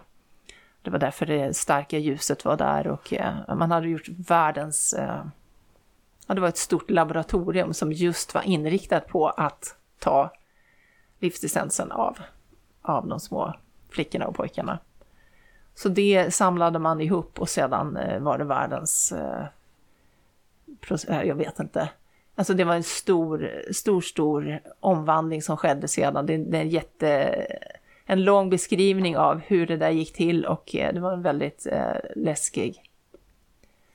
Ja, nu pladdrar jag bara. Bra. Nej, men jag tyckte det var fascinerande. Det är otroligt intressant. Ja. Jag vet Ja, inte mycket om Men det. mynnade det ut, liksom, var det det som ledde till den här eh, boken eh, Atlantis till Hawaii? Ja, där har jag berättat hela den, hela den, eh, det skeendet. Och det hela fick sin, eh, vad ska man säga? Alltså, det var min egen upplevelse, men jag har gjort en roman av det. Så att eh, allt, alla de inre upplevelserna och allting om Atlantis, det är liksom helt autentiskt. Det är vad som har hänt. Det är de Ja, minnena jag har fått. Eh, och då hände det till sist att jag, jag hade så ont. Jag var så långt nere så att det var liksom svart. Det var en riktig, jag var djupt nere. Och till så gick jag, jag gick alltid på nätterna för att jag kunde inte sova för det gjorde så ont i kroppen. Och då gick jag runt så här en vända åt det hållet, sen gick jag en vända åt det hållet och då brukade det liksom lossna sen till sist så pass att jag kunde sova vidare. Men då dök det upp en tanke från ingenstans att "Mm, jag vill simma med delfiner. Det bara kom, det var liksom bara torra ord så här. Så tänkte jag, va? Vadå? Delfiner?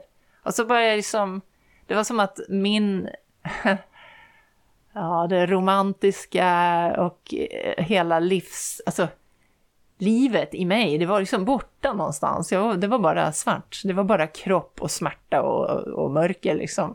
Och då fick jag fatt i det här, men wow, och då började jag drömma liksom och tänkte fram en vacker man som jag skulle träffa och stränder och, och delfinerna. Det var liksom som att de simmade omkring mig. Och då fick jag, ja det är jättehäftigt hur det kan gå, hur, hur, som, hur livet kan försvinna från oss även under pågående liv. Men då kom det tillbaka så att, eh, och då, tack och lov så hade jag en bekant som, eh, jag bara slängde ur mig på Facebook att, ja, ska vi åka till Hawaii? Ska vi simma med delfiner? Så. Och hon bara nappade. Eller hon, först så, tänk, så fick jag en sur kommentar, ja, ja, det blir väl dyrt. Så här. Men sen hon var på kroken ändå, för sen var hon tvungen att fråga lite grann. Och, ja, och sen blev det ju så att vi två åkte iväg. Och vi gick en delfinsimmarkurs. Och, och alltså från att jag inte kunde gå, jag kunde inte alls gå i trappor. Alltså jag gick som ett barn, vet, ett steg, alltså upp med foten, ett steg så här. Fick öva mig i lasarettets bassäng liksom och klarade sju meter till sist och ja, och simma. Och sen kom jag dit så var delfinerna där ute på morgonen. Och jag bara Åh, kände, häftigt. ja, jag, jag, jag, tänk, jag tänkte ingenting. Jag bara försökte få på mig eh, ja, det var en våtdräkt och lite sådär. Jag tänkte, jag, jag skiter i om jag dör där ute. Bara jag kommer ut. Jag, jag vill bara vara med dem liksom. Sån otrolig längtan. Så kursledaren, hon höll mig och jag stapplade fram och det var sådana här stora, alltså baseball, stora eh, lavastenar, runda och helt förrädiskt, alla låg löst liksom. Och jag kunde inte ens gå i en trappa, liksom. men hon höll mig och jag bara vinglade fram där. Och sen sa hon, ja nu måste jag släppa dig för vi var framme vid vågen där liksom. Så hon släppte mig, så jag står där och tänkte, men jag kan, inte, jag kan inte ta mig ner i det här, jag kan inte gå i vattnet på lösa stenar liksom. Jag, kan Nej. inte, jag måste ha något att hålla mig i. Så jag tänkte, min enda chans, det är att bara trilla framåt. Så när en våg, då kom en våg upp, ni vet, och vattnet blev lite djupt och bara följa som en jäkla fura rakt ner. Och liksom, ja, åkte med ut med den där vågen. Och sen fick jag på mig vad heter det, cyklopet bak och fram, eller åt snett och jäkligt och fick på simfötterna och sen bara drog jag ut. Och sen höll jag på ju som att krevera, men jag kom i varje fall ut och jag såg dem, fast det var som de, de gav mig inte minsta uppmärksamhet eller så, jag var ju som en eh, gisten. Eh, alltså, jag, men jag mådde ju så dåligt. Jag kunde ju inte som dra till mig deras intresse direkt, men...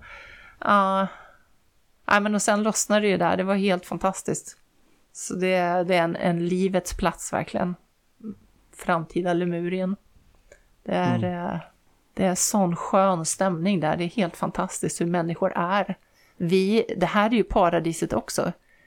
Vi lever ju mitt i paradiset, men ibland, och ganska ofta, så lever vi liksom inte i paradiset. Men där är det precis som att människorna har de lever paradis, paradiset. De säger aloha, liksom, det är bara ta det lugnt. Liksom, Okej, du vill över vägen, bara vinka den över och stanna där. Så här lugnt och, och trevligt. Så det var, det var vägen tillbaka till livet. Vi kanske måste åka till Hawaii helt enkelt. Jaha, du tänkte så. Ja, jag satt just och tänkte så här. Och det är så många människor jag möter som har en sån dröm om hur de vill leva och så tar man inte tag i det. Och så tänker jag, men här sitter vi med Rebecka, kan inte folk lyssna på det här och Exakt, förstå ja, att man faktiskt. kan faktiskt eh, följa, följa sin inre röst och eh, liksom Många verkar veta hur man ska kunna läka sig själv om man bara orkar lyssna istället Mm. för att springa till läkaren det första man gör. Utan eh, känna efter.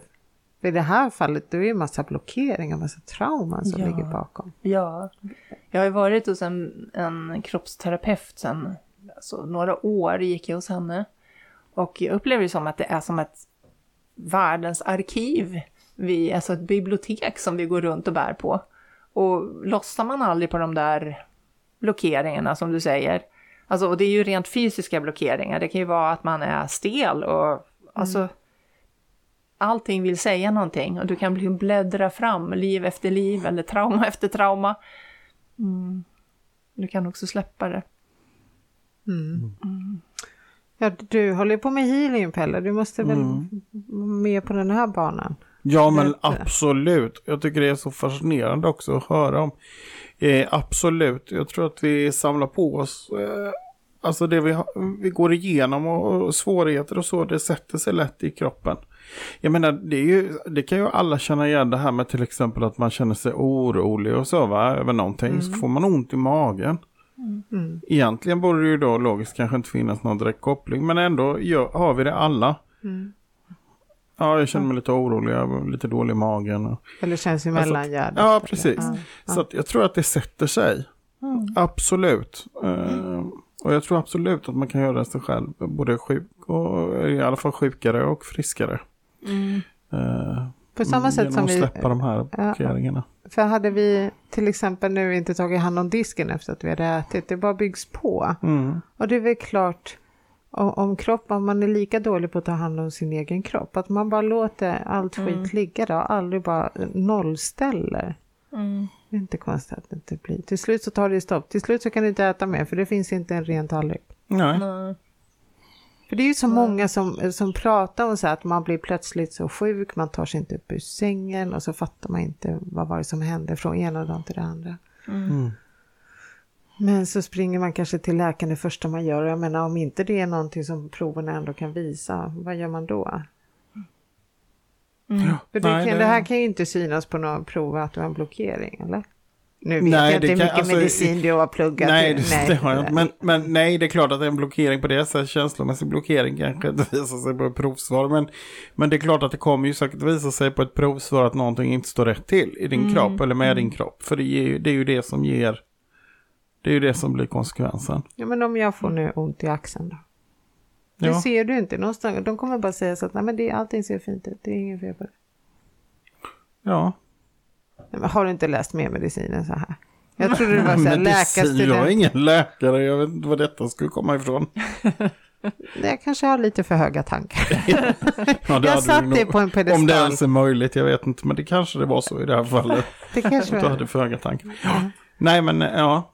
Nej men då får man väl jobba med det man... eh, Och det tror jag också man känner, om man känner efter, var kommer det här ifrån? Det tror jag faktiskt att man kan känna.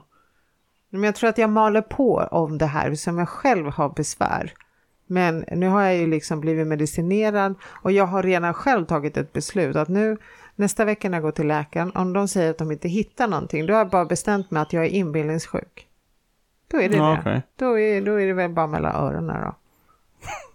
Ja, det är Och då inte så måste bara jag det. ju, nej, då, det är inte så bra. Det det då där måste jag ju gräva. tänka mig frisk. Alltså Ja, medicinen kan tänka, inte. ja, men har du, varit på, har du gått på healing någon gång? Nej, inte för det här. Nej. Jag ska gå på ultraljud. Ja, men börja där. Ja, jag börjar på ultraljud. Ja. Om inte det funkar, Men då kommer healing kan vara ett bra komplement. kan man gå på det också. Eller kroppsterapi, alltså någon, någon slags eh, djupmassage. Eh, för att komma åt. Jag tror att det finns så många, eller jag vet att det finns så många som jobbar med olika kroppsterapier som faktiskt är väldigt mediala. Ja, Så att, och de kan få upp tidigare liv för dig också.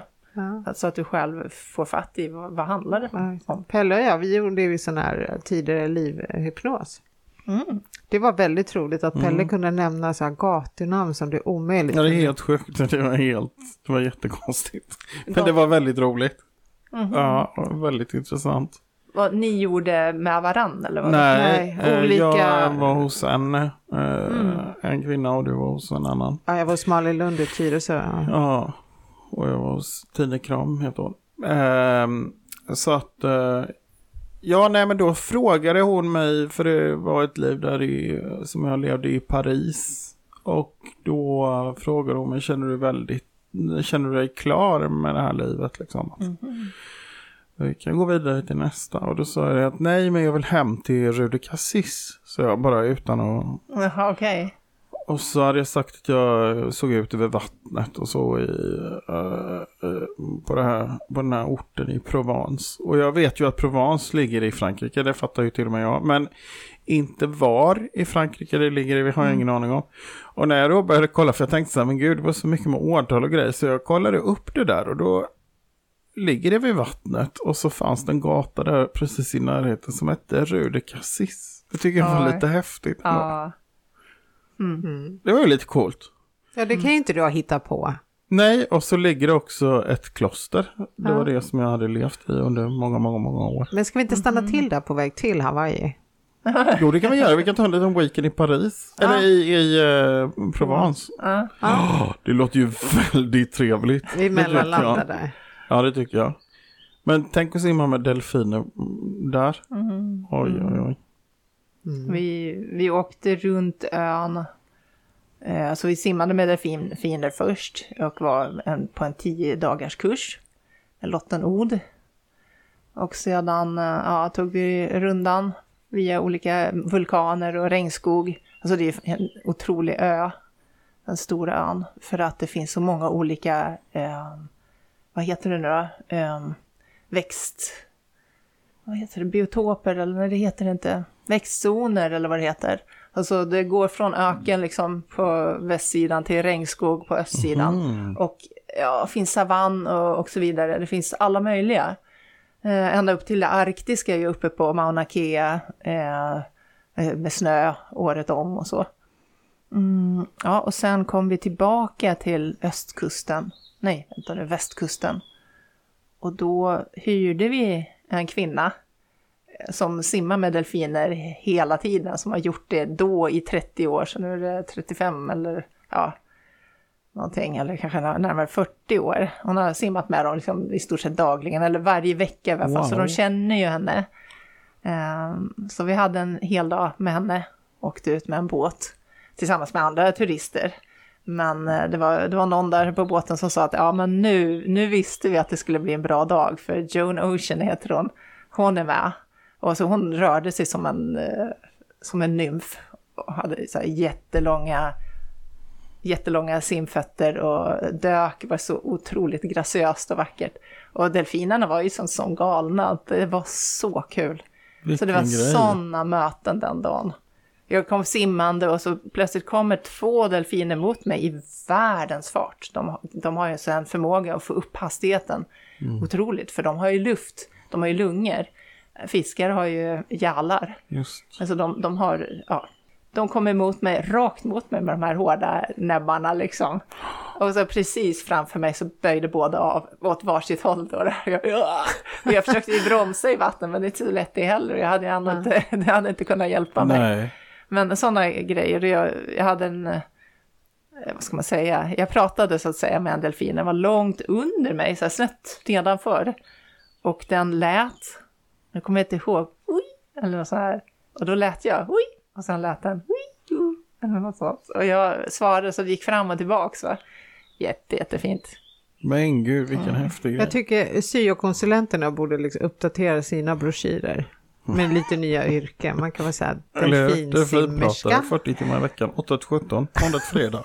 Ska vi säga så? ja. Ja, det hade varit Så man något. inte bara kan bli hårfrisörska och flygvärdinna och kassörska, utan man kan bli delfinsimmerska. Men det är nog magiskt med delfiner alltså. Det, Mm. det är nog häftigt med dem tror jag. För det är Ja, ju jag ett- såg att du reagerade. Ja, jag, jo, tror- men jag har en känsla av det. För jag vet egentligen inte varför, men jag har en känsla av att det där med delfiner är grejer ja. Ja. Ja. Jag, sen när jag, hur var det nu, för något år sedan, jag satt här i köket och läste tidningen och läste, vad heter han, Rockström, Johan Rockström heter han väl, eh, som skrev om att vi är i den sjätte massutrotningen och att vi har gått in i antropocen, alltså det vill säga en geologisk period där det faktiskt är vi människor som utgör eller som, som, som skapar den geologiska. Ehm, alltså det, det, var sån här, det var en sån total chock för mig. Båda, båda de där grejerna, att vi är mitt inne i en massutrotning, ja, men det sjätte massutrotningen, jaha. Så jag satt här liksom var helt eh, ja, chockad. Jag försökte bara liksom, jag försökte bearbeta det på något sätt, men det gick ju inte. Så plötsligt började det låta. I den här lilla stugan så lät det högre och högre. Det var liksom som ett världens brus.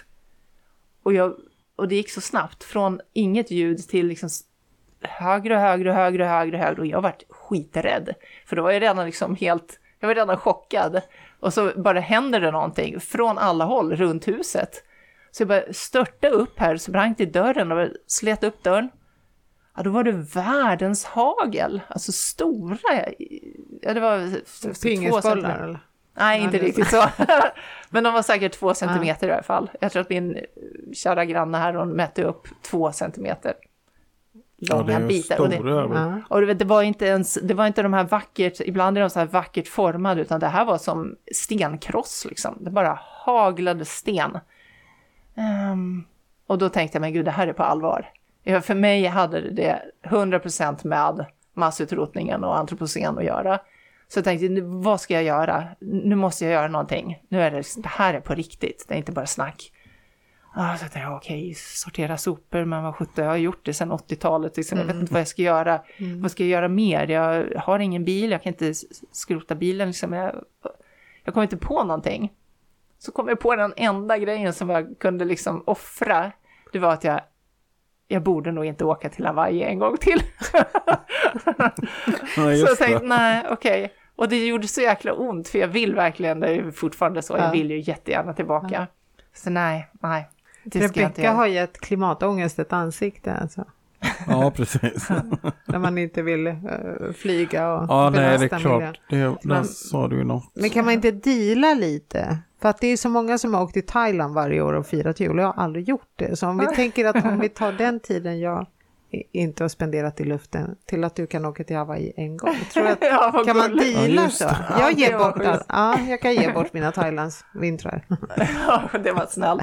Ja, jag har tänkt på alla möjliga olika Ja. kryphål i det hela. Ja. Men jag måste bara säga det som hände mig då. Det var tre grejer som hände som gjorde att jag kom fram till att, men hallå, egentligen är inte paradiset på andra sidan jorden. Utan det är faktiskt här. Och delfinerna, ja visst de är helt otroliga. Men det första tror jag som hände det var att jag satt här uppe i mitt arbetsrum. Och eh, det var så här varmt och jag hade öppna fönster. Så kommer en tornseglare. Vet ni vad det är? Nej. Alltså inte svalor, utan det här är tornseglare, de ser ut som en skära så här. Mm. Eh, och är jäkligt snabba och kvicka och de gör allt i luften. Så de, eh, ja, de äter i luften, de sover i luften, de parar sig i luften, de gör allt.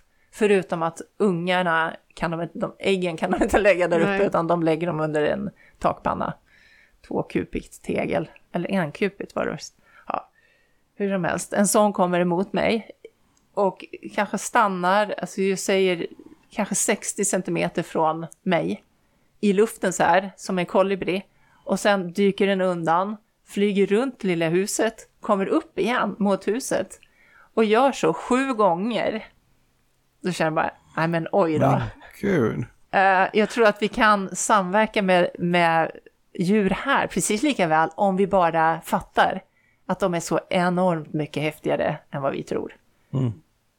Och så det andra som hände det var att jag var nere vid sjön och skulle bada. Så kommer en spindel springande på vattnet. En stor, hårig spindel.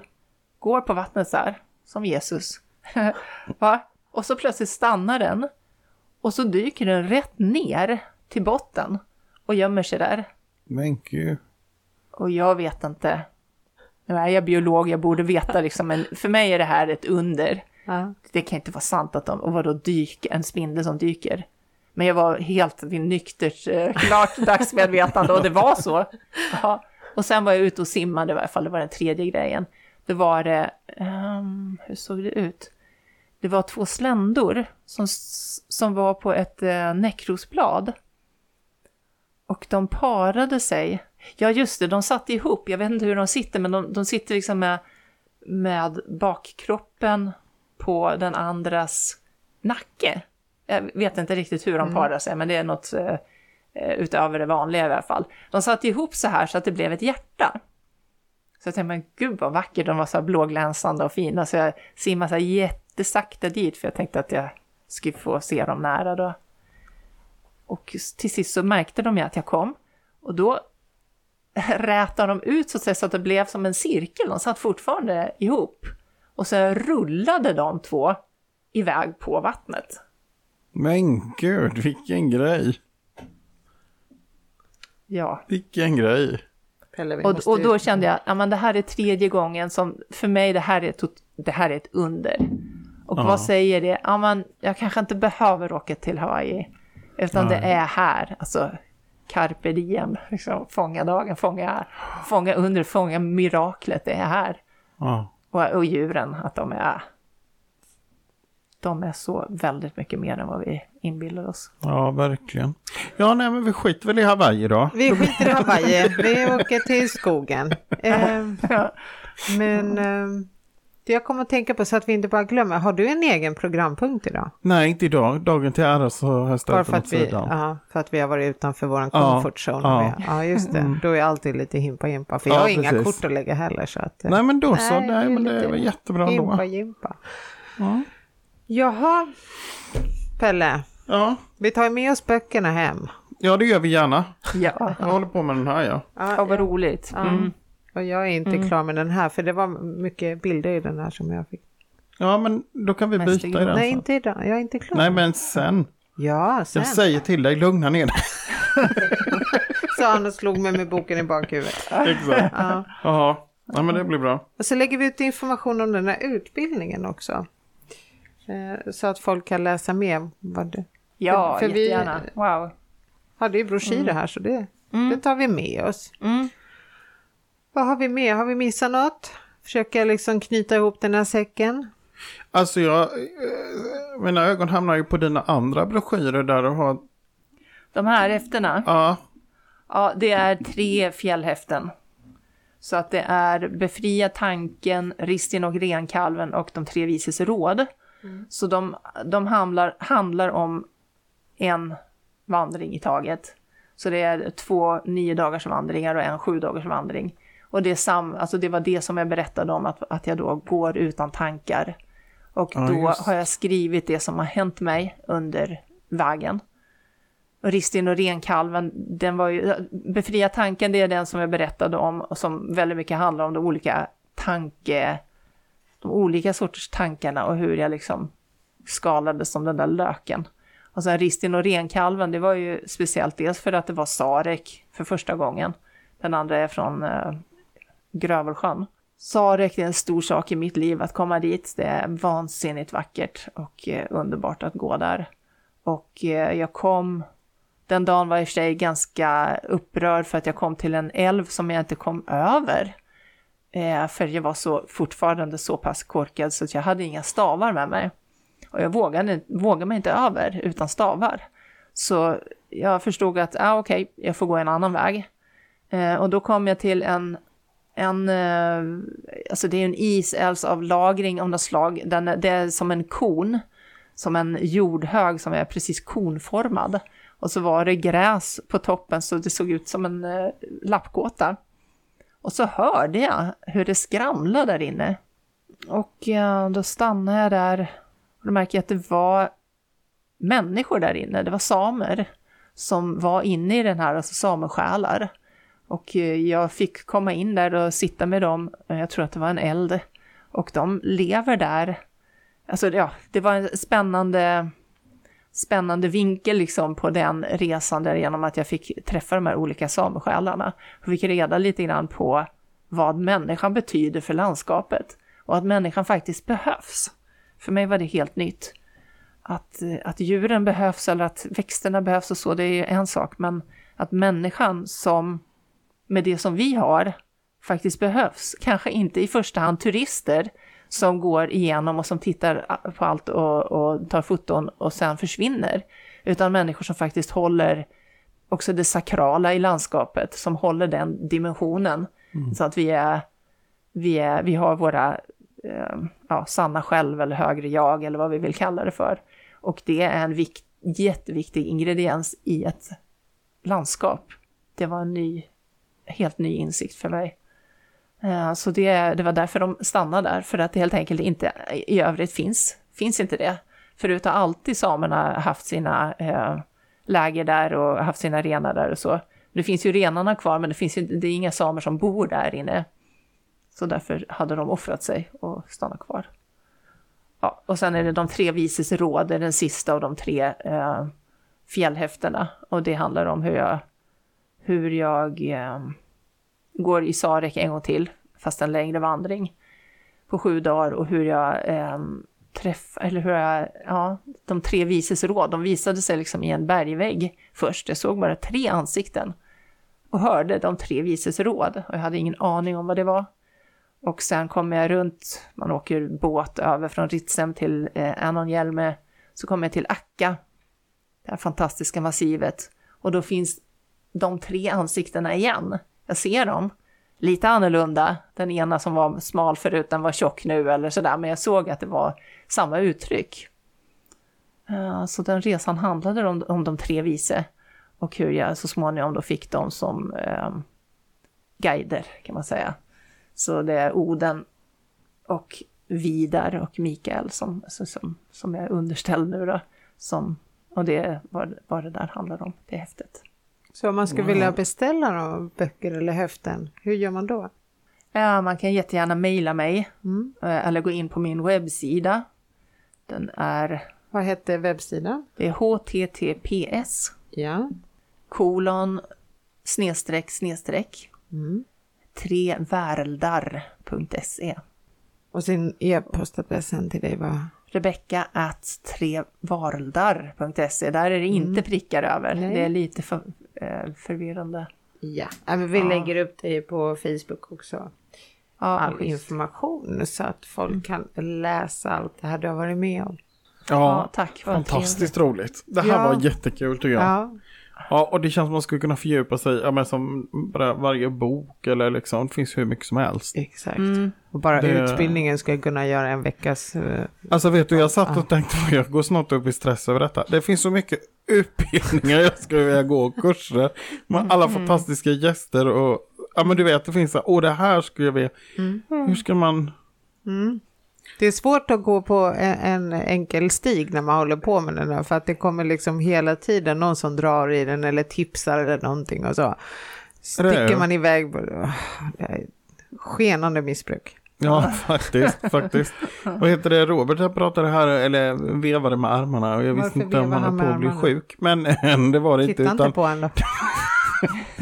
det handlade om någonting som jag inte riktigt... Vi i gruppen är ju vi är många i. Det var det han ville. Ja, Just. alltså vi är jättemånga i gruppen och vi vill bli ännu fler. Mm. Ja, det var så var vi vill bli fler. Så, så var det. Så ja. Där har vi det. Och där. Instagram, där vill vi få massa följare, men det hänger mycket på att vi ska vara intressanta att följa på Instagram. Ja, precis. Ja. Precis, ja det, det, det... Det finns inget intresse att följa oss på Instagram om inte det händer något kul där. Nej, precis. Men det har ju gått väldigt eh, bra framåt med Facebookgruppen och det är väldigt roligt. Ja, vad kul. Jag ska ja. gå med mm. där, jag är inte med. Ja, men du ser. inte om den, ja. Nej, då ja. kastar vi in dig där. Och, för, och, vi vill gärna att du lägger ut när det händer saker och ting, om du ska ut på kurser mm. eller vandringar, så lägg ut information för att eh, mm. alla, vill ju, alla har inte klivit ut ur garderoben så att säga. Mm. Så att många läser ju det tysta och kanske mm. inte vill gå in och kommentera och fråga. Så det är jättebra att man kan eh, mm. söka upp informationen i det dolda. Mm. Så intresset är stort. Mm. Vi får mycket liksom, meddelanden vid sidan om. Eh, oftast sådana här att ja, jag tror egentligen inte på det här men. Nej, det, det är väl fascinerande. Jag vet inte hur många gånger man har hört det där. Nej, det där det tror jag inte på. Men i och för sig, och så kommer den värsta upplevelsen. Ja. Det är rätt roligt. Ja, för igår föreslog jag just att vi skulle ta in en gäst som inte tror på någonting. Ja, just det. det skulle vara jätteroligt att bara veta hur är vardagen för någon som inte har någon tro alls. Mm. Mm, det... mm, om ni hittar den, ja. ja. ja det var en, jag har haft mycket kurser tidigare. Ja. Eh, bara några timmar eller en helg eller så. Så var det en vän till en som skulle gå med. Där. Hon kom med, ja, ja, ja, jag är inte inne på det här. Så hon var väldigt tydlig med att säga att hon, mm. nej, det här var inget för henne. Men hon kom bara med på grund av sin vän. Då. Just det. Och sen kom vi till en plats. Och då var jag så himla nöjd förstås. För hon, eh, sen, vi har alltid ett utbyte. Vi går in i platsen och känner av, känner in och sen går vi ut och har ett utbyte och ser, ja, var det någon som kände något? Och då fick hon tillstånd, men det, det kändes liksom som vatten runt fötterna, det var som vågor. Och jag bara kände yes, yes hon, hon också. Nej, det är faktiskt alltså känslan. Att känna av, ja men det har alla. Mm. Jag tror att jag har upplevt kanske två människor under alla de här åren med att jag själv gick utbildning, jag har utbildning nu och sen alla kurser jag har varit, haft. Mm. Så är det bara två som faktiskt inte hade några, några upplevelser. Nej. Och de var då så duktiga på att, alltså, Det är som att affirmera hela tiden. Nej, jag kan inte. Nej, det här är ingenting för mig. Nej, jag kan inte. Jag är spärrad. Jag kan inte. Och sådär. Ja, men då går det inte. Nej, då, Nej. nej. Ja, men det var ju så min mediala resa började. Det var ju för att min väninna, hon var ju duktig. Pia var jätteduktig, hon skulle gå en kurs. Och jag sa, ah, jag är inte så duktig på det där, men jag kan följa med för det är fika. Det. så jag kommer dit för bullarnas skull. Men sen när man väl var där så upp, upptäckte man ju sina talanger då, och Okej. tyckte att det var väldigt roligt och intressant. Men det var mat för mig. Får Du är matmotiverad. Väldigt matmotiverad, vilket fint ord. Ja, det använder man ofta i hundvärlden. att en hund är matmotiverad. Oj, vad det Ja. inte längre kändes som något fint. Jo, det kan man vara både som hund och människa. säger jag och kliar mig själv bakom örat med bakbenen. Nej, men vad kul. Ja, matmotiverad. Ja. Ja, vad fint. Mm. Vet du Rebecka, vi tänkte vi börja runda av här så vi kan eh, lasta in alla böcker vi tänker ta med oss härifrån. Så hinner vi njuta av det fina vädret här utanför en liten stund innan vi hoppar in i bilen igen. Ja, det låter som en bra plan. Jättetack för att du bjöd hit oss och vi Ja, fick sitta i den här tack. fina stugan. Ja, Otroligt häftigt. Ja, tack så jättemycket att ni kom. ja, gärna. Det har jag verkligen sett fram emot och det var jätte, jättekul. Ja, det har Ja, varit så roligt. jäkla härligt. Ja. Vilken turné! Ja, verkligen. Ja, Vart blir det nästa gång? Det vet vi inte. Hawaii. Hawaii. Ja, Hawaii. nu skulle vi inte dit då. Men det, ja, Ja, vi, får se. Vi får se. Ja, Tusen tack alla lyssnare. Tack. tack. Rebecka. Hej då. Hej då. Hej hej.